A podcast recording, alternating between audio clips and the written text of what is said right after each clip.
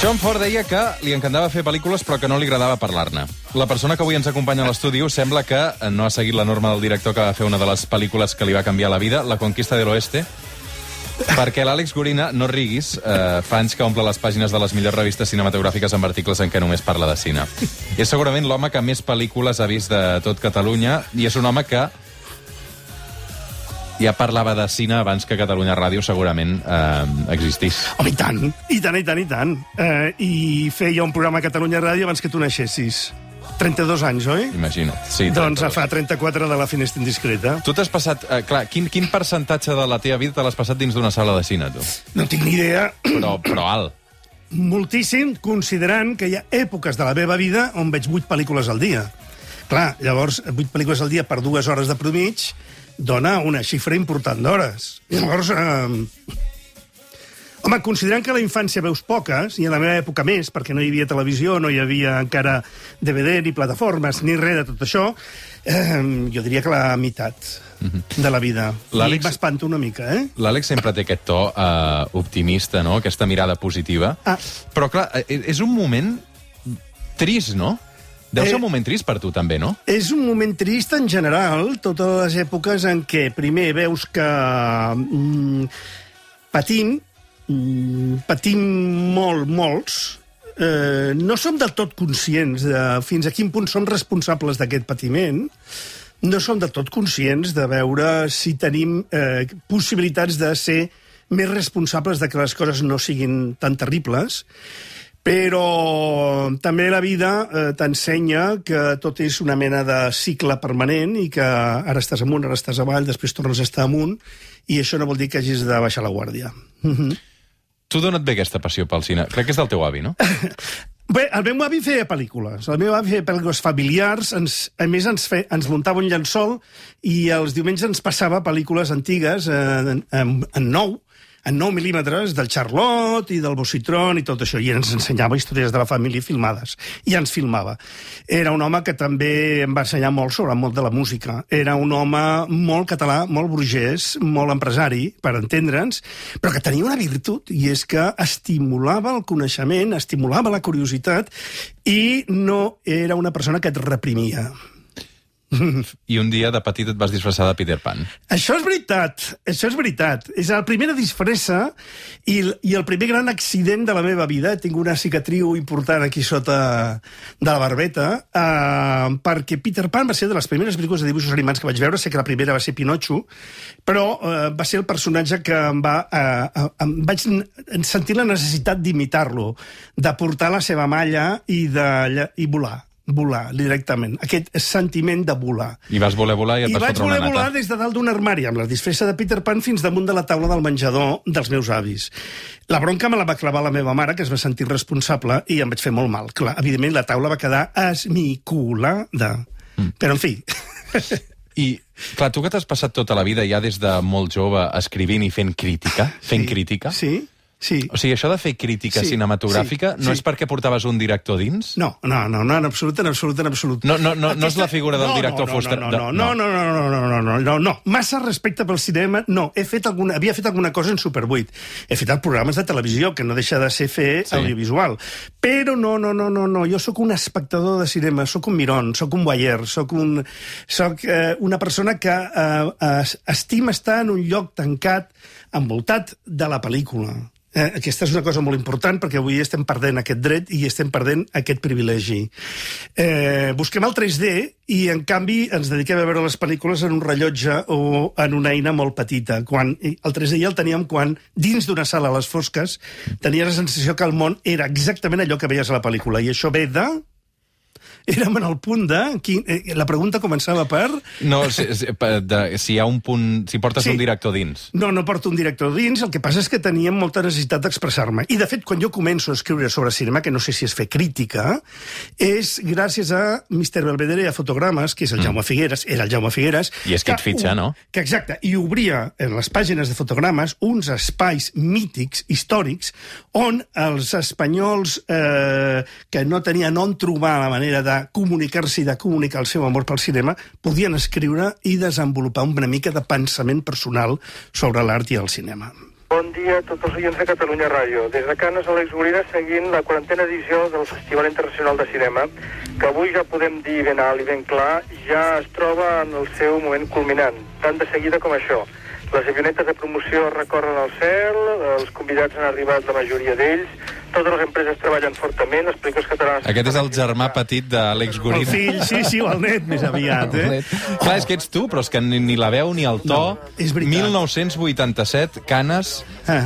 uh, Gorina, que pràcticament no, no et reconeixem. Doncs jo tampoc, perquè m'ha costat un, uns segons eh, saber si era jo o algú que em presentava. Eh, és veritat, això de la veu. Jo em pensava que la veu, amb el temps... Jo, a mi se m'afableix, és una qüestió familiar. Al meu avi li va passar, al meu pare li va passar, eh, que perdem, anem cap a la fonia. I, a més a més, es va accentuar el dia que vaig deixar de fumar. Mm. Ho sento, eh? Vull dir, va, va ser beneficiós en tots sentits, però vaig perdre una mena de, te, de teixit eh, mm, eh, pulmonar, no sé què vaig perdre, una mena de vellut. De vellut. Ara, eh, eh, Els sentit- greus, els greus. Els greus. Sí, sí. Quina relació hi ha entre Àlex Gorina i Manuel Valls? Ah, Era un cosí germà del meu pare. Parles de Manuel Valls i Gorina, no? Sí. Era un cosí germà del meu pare que va ser, un, uh, mestre meu, perquè era professor a la Universitat Autònoma i em va ensenyar molt sobre música. Dos, era compositor, va col·laborar molt en Salvador Espriu, va fer molta obra interessantíssima a la parcel·la de concerts i va fer bandes sonores, va, ser, va fer la banda sonora de la Ciutat Cremada o de Companys, per exemple, i era un amic íntim, a més de cosí del meu pare i els cosins íntims, i passava moltes hores a casa, i era una persona divertidíssima, espectacular, i a més va ser l'autor de la música de l'himne del Barça, actual. Clar, aquest, uh, o sigui, en relació amb el Manuel Valls de l'Ajuntament de Sí, Barcelona ara, sí. què és, el fill o no? No, És- no, no, no, no. El, el Manel Valls Valls... Gorina. Valls Gorina crec que és, perquè és una cosa molt complicada, Manel Valls Gorina era fill d'un germà de, del, del pare del Manuel Valls. Eh, M'embolico molt, eh? Sigui, que aquest Nidal... és un parent llunyà... Incu... A més, eh, Per Nadal no menjareu junts amb... amb... no, no, a més a més, és un parent incomprensible. És un parent incomprensible perquè no correspon a cap dels factors eh, culturals ni ideològics Mm. de la seva família i de la meva família. El que passa és que tu, Àlex, has tingut una, pel·li de, eh, una, una vida de pel·lícula, no? Una vida de pel·lícula. A veure, mira, ara fan una pel·lícula que es diu Martin Eden, que us recomano moltíssim, que sí. és una pel·lícula que explica eh, la vida d'un home que des de la incultura arriba a la cultura, des de ser mariner d'un bar que arriba a convertir-se en un líder d'opinió socialista a, a Itàlia. Eh, és la persona que en un moment determinat pren el timó de la seva vida i decideix com ha de ser i no com eh, semblava que estava destinat a ser. Jo era l'hereu, jo havia de dedicar-me a dirigir una fàbrica de tèxtil, Gorina, Sabadell... Eh, bé, és, una, és, un, és un factor determinant i, i compulsiu, diria jo, i encara hi són, eh? Eh, I tu vas- per vas dir que no volies, això. Jo vaig dir que no. I vaig, un dia, al tornar de la Mili, concretament, després d'un any a Melilla, vaig, eh, vaig anar a veure el meu avi, que era viu encara i a qui respectava i estimava profundament i sabia el disgust que li havia de donar, i vaig seure davant d'ell i li vaig donar la notícia, a ell i al meu pare. I, i aquell acte de valor que encara ara no sé d'on va sortir, no sé d'on va sortir, uh, em va per, m'ha permès ser molt feliç i, a més a més, ha permès fer una cosa molt important de la meva vida i que declaro a partir d'ara aquí. Jo crec que vaig alliberar molt els meus germans, perquè jo, com que era l'hereu, em tocava sempre ser el model, l'exemple, el primer, eh, el que havia de eh, prendre les regnes de tot això. Quina mandra, no? I és horrorós, sí. És, és tremendo, és tremendo. I llavors eh, vaig decidir fotre el senyor Llobet, o, o, o el senyor Ramon, o, o el senyor Esteve, per entendre'ns, i, i ho vaig fer, i a partir d'aquell moment he renunciat a ser el germà gran. Tota la vida ho he fet i m'he dedicat només a intentar ser feliç i intentar portar alguna cosa. Som al suplement, som a Catalunya Ràdio, que, que sentiu és uh, indubtablement l'Àlex Gorina. Em M'explicaves que de la vida professional vas fer una gran renúncia, que és renunciar a- al que segurament um, els teus pares o el que s'havia establert, que és continuar el negoci familiar, mm. per dedicar-te al que realment t'agradava, que era el cine. Clar, a, en la part personal, Um, tu vas estar casat durant 10 anys amb Sí. una dona que és la mare dels teus dos fills, l'Alfons i l'Alícia, Sí. i fa gairebé 20 anys que ara estàs amb un home que és el David. Sí, m'he casat fa un any. T'has casat? M'he casat fa un any. Jo em sí. pensava que no et volies casar mai. M'he casat. M'he casat perquè... perquè mm, bé, en, un, en una relació, en una parella... En un, Sou dos, som sí. dos. I llavors eh, s'han de prendre decisions comunes i si hi ha un 50% que desitgi vol una cosa i un 50% que no, doncs algú ha de renunciar o ha d'entendre. I vaig arribar a la conclusió, i me n'alegro, i me n'alegro, que, bueno, ja, i què més dona? és a dir, tampoc... Si fas un tema, fas un tema de no voler, doncs eh, és el moment de dir pues no, no, no fem un tema. Això no ha de ser un impediment, un problema, una conversa permanent. I em vaig casar fa un any. Sí, sí, sí. um, va ser molt bonic. Va ser, vaig entendre que tenia que haver-ho fet abans i, i sóc molt feliç. Tu en quin moment et vas adonar que t'agradaven els homes? És que no me'n vaig adonar. Mm, és a dir, eh, dins meu, d'una manera no prou desenvolupada des de ben petit, i això és una cosa reflexionada posteriori, eh, hi havia una evidència, que era eh, soc sexual, si de cas. Eh, si parlem de sexe, soc sexual. I, per tant, eh, obert a totes les possibilitats eh, possibles i, a, i com a mínim, ex, a, disposat a experimentar-les totes.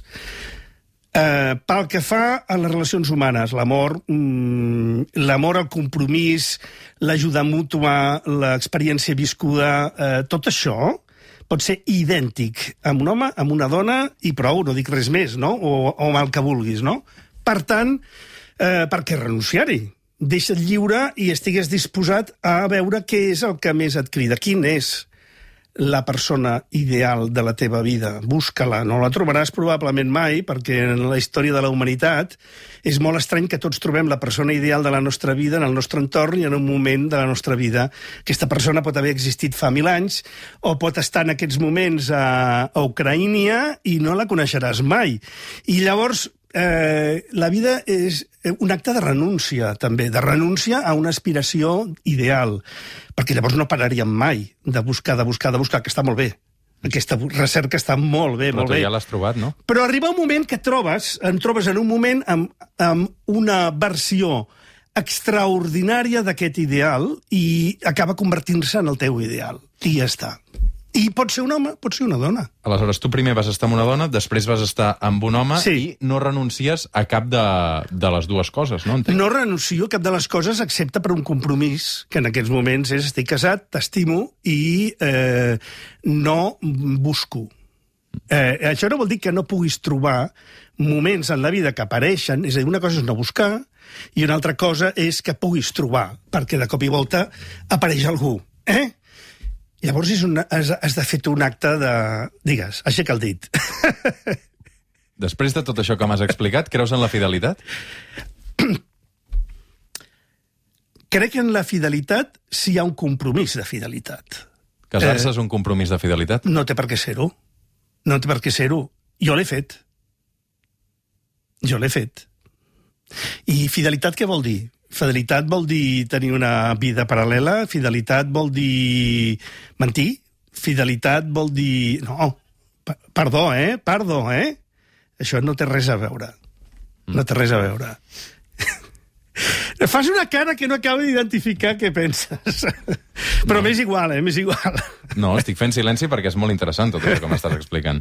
Dius que ets una persona mo molt sexual, no? Sí. Molt sexual. Sí. I, I has provat de barrejar les dues coses, homes i dones, a la vegada? A la vegada, en, una, en, una, en, una, en un lloc. Sí. Varios homes, sí. Varias dones, sí. Dones i homes, no. Tot no això, ha passat. Tot això i has renunciat, Àlex, pel que m'estàs dient, sí. no? Vull dir que Evi- això també forma part d'aquest compromís i d'una nova etapa, no? Uh, Perquè quan això di dius que l'amor també són renúncies, no? Sí, sí, sí, sí. Eh, però si no parem de renunciar a coses. No parem de renunciar a coses, excepte algunes, eh, en un moment donat que dius, d'això faig un tema. Val, de, de, o sigui, d'aquí... No, no, el que passa és que... Hi ha sí, temes ètics, hi ha temes, temes ètics que mai hi pots renunciar. El que passa és que hi ha una cosa que es diu el cost d'oportunitat, no? Sí. Jo renuncio a una cosa per tenir-ne una altra. Eh, Aleshores vol dir que aquesta altra que tens ara, que és el casament i és aquesta persona que estimes, que és el sí, David, Sí, Vol dir que um, has de ser. Plenament feliç per renunciar a totes les altres que t'havien omplert durant tant temps. Què vol dir ser plenament feliç? Un moment, ser plenament feliç... A la, a, a, a la vida també... A la vida són moltíssimes etapes. És a dir, pots ser plenament feliç aquest minut, aquests 10 anys, aquests 20 anys. Jo no sé, ni ell sap, ni ningú sabem què passarà. I si jo miro mm, cap enrere, m'empenedeixo de moltes coses, mm, però, però entenc que no som eh, éssers d'una estabilitat absoluta. Quin horror! O sigui, tu no pots ser igual quan neixes, als, quan tens 10 anys, quan tens 20 i quan tens 60. Has d'estar obert. Has d'estar obert, perquè no hem viscut més que una centèsima experiència de les que podem trobar a la vida, o de la que la vida ens pot regalar. Sempre disposats a tot. I sempre disposats a mirar els pros i contres de tot. I sempre disposats a escoltar els altres. I sempre disposats a, auto, a autoconvèncer-te. Mira'm, mira'm amb, aquest, amb aquesta mirada. Faig silencis perquè vaig païnt uh, aquesta lliçó de vida que ens estàs donant, No, que no, m'encanta. i- Espera't no. un moment, espera't un Jo moment. no dono cap lliçó de vida. Jo, No, sí. jo, Home, és que és per prendre punts, Àlex, per això t'hem portat. Espera't un moment. Aleshores, com van pair els teus fills mm. quan tu els dius, escolta, em deixo la mare després de 10 anys i me'n vaig a viure amb un home? Uh, van pair pitjor la separació en un moment donat, perquè eren molt més petits, uh, uh, i per tant eh, va ser dur, va ser dur, tot i que jo vaig intentar fer comprendre i mai es pot fer comprendre fins a quin punt un matrimoni o una parella que no és feliç acaba eh, expandint la infelicitat al seu voltant i saber acabar les coses a un moment donat d'una manera honesta, clara i tal, sempre acaba sent bo, encara que de moment sigui un drama. En el moment que els hi vaig dir eh, eh, doncs eh, l'Alfons em va agafar de la mà i em va dir eh, amb tu sempre, per sempre. Eh, passi el que passi. L'Alicia em, va, em va mirar, es va posar a riure una mica i va dir ja era hora de que m'ho diguessis. Com dient, era evident, o mm, ho sospitava, i què? I aquí els tens. Aquí els tens. I la teva mare? La meva mare és una dona extraordinària de 92 anys que encara va en bicicleta i que va sortir en un programa de televisió eh, fa un any, o no sé quan era, eh, perquè van voler eh, acompanyar-la en un acte que donés visibilitat a una història amb unes característiques que creiem que podia ser molt bona per ella i per molta gent.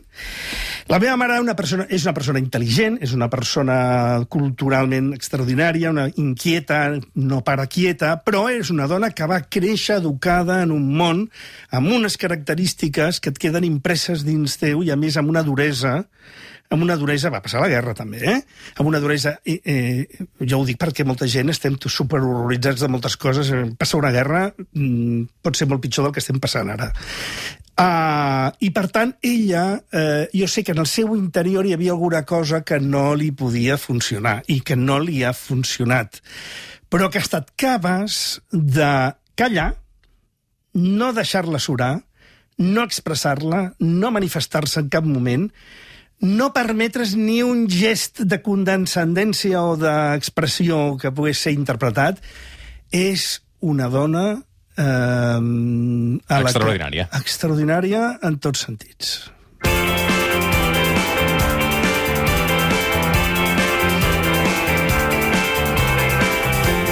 Som al suplement, som a Catalunya Ràdio, 10 i 52 minuts. Aquest que sentiu és uh, la inconfusible veu i la història de vida de, de l'Àlex Gorina. Àlex, tu no et jubilaràs mai, no espero? Jo no em jubilaré mai. Em jubilo de coses i, i, i començo altres, és a dir, jo algun dia podré tenir temps per escriure coses que no he escrit. Per exemple, he descobert un món en la natura al que em vull dedicar. Uh, tenim un projecte familiar eh, de germans de cohousing a partir de ben aviat uh, que ens donarà l'oportunitat d'envellir uh, formant una pinya d'independència, però també de, re, de reforç mutu, de- d'ajuda, de, companyia que fora de Barcelona ens permetrà eh, ser millors, estic convençut. No em jubilaré mai, què vol dir? Algun dia deixaré de fer un programa de ràdio? Sí, jo crec que sí, que indiscutiblement passarà. Però el cine, i el cine català segurament... Eh, No m'ho perdonarien. Bueno, i necessita veus com No. la teves. Eh, no, crec que aquest any s'han fet sis pel·lis en català. Doncs eh, Imagina't. Sí que, que- per... hi ha gent, hi ha gent, i per tant puc marxar i no hi ha problema, i a més convindria, perquè hi ha gent jove que, que té, té dret a ocupar espais. Eh, però no sé quan, no sé quan. És a dir, ja he passat l'edat, eh, però em diverteixo moltíssim. O sigui, jo fer la finestra indiscreta a l'audiovisual, compartir la feina amb els que fem el programa i amb els oients i amb vosaltres, que esteu per allà i eh, ens fiquem els uns amb els altres contínuament, ara menys, però també. Eh, jo m'ho passo molt bé, és que em diverteixo molt, és que és, que, és, que és indispensable. Però, però sí, clar, s'acabarà. El que passa és que mm, jo crec que en aquest moment no pot ser en aquest moment, des d'aquesta emissora, i eh, amb el problema que està patint la cultura, el problema que està patint el cinema, el problema que està patint el cinema català, no, no podem abandonar no podem abandonar-los. No podem abandonar ni l'emissora, ni la cultura, ni el cinema, ni el cinema català. Última pregunta. Tu creus que d'aquí 50 anys anirem al cine encara? Eh, No sé si anirem al cine, crec que sí, perquè encara anem al teatre i el teatre és molt més antic i per tant sí que hi haurà eh, llocs per anar. Anar al cine vol dir anar a una sala de cinema. El cinema és molt jove, el cinema té que fer moltes coses extraordinàries encara, si compares amb les altres arts. Està encara a les cavernes, encara està Altamira, el cinema. Eh, es pintava a les parets i ara pintem d'unes altres maneres i amb uns altres suports. Per tant, el cinema també evoluciona en aquest sentit. No em preocupa el futur del cinema. Em preocupa el futur de les sales de cinema o del món del cinema tal com l'hem conegut fins ara. I em preocupa que la gent, hi hagi gent, que manifesti una certa satisfacció de veure que el cinema vist a casa en plataformes per fi acaba amb l'experiència d'anar al cinema. No cal victòries com les d'un equip futbol contra un altre. Si plau, eh, que el dret de les majories no acabi amb el dret de les minories. Sempre trobo faltar més drets per les minories. Reclamo el meu dret i el dret de moltes persones a poder continuar veient pel·lícules al cinema si volem. I, per tant, no ho visquem com una victòria, sinó tot és una evolució. Anem cap endavant, no ens resistim a res, anem-nos adaptant, donem temps, donem temps, i no oblidem el cinema, això sí. Àlex Gorina, moltes, moltes gràcies. Sabia que n'aprendria molt eh, i, i efectivament. Roger, moltíssimes gràcies per aquesta estona, no me l'esperava, però m'interessa molt la teva cara com ha anat evolucionant al llarg d'aquesta conversa. Fem una pausa i de seguida tornem. El suplement. Ràdio amb esperit de cap de setmana. Amb Roger Escapa.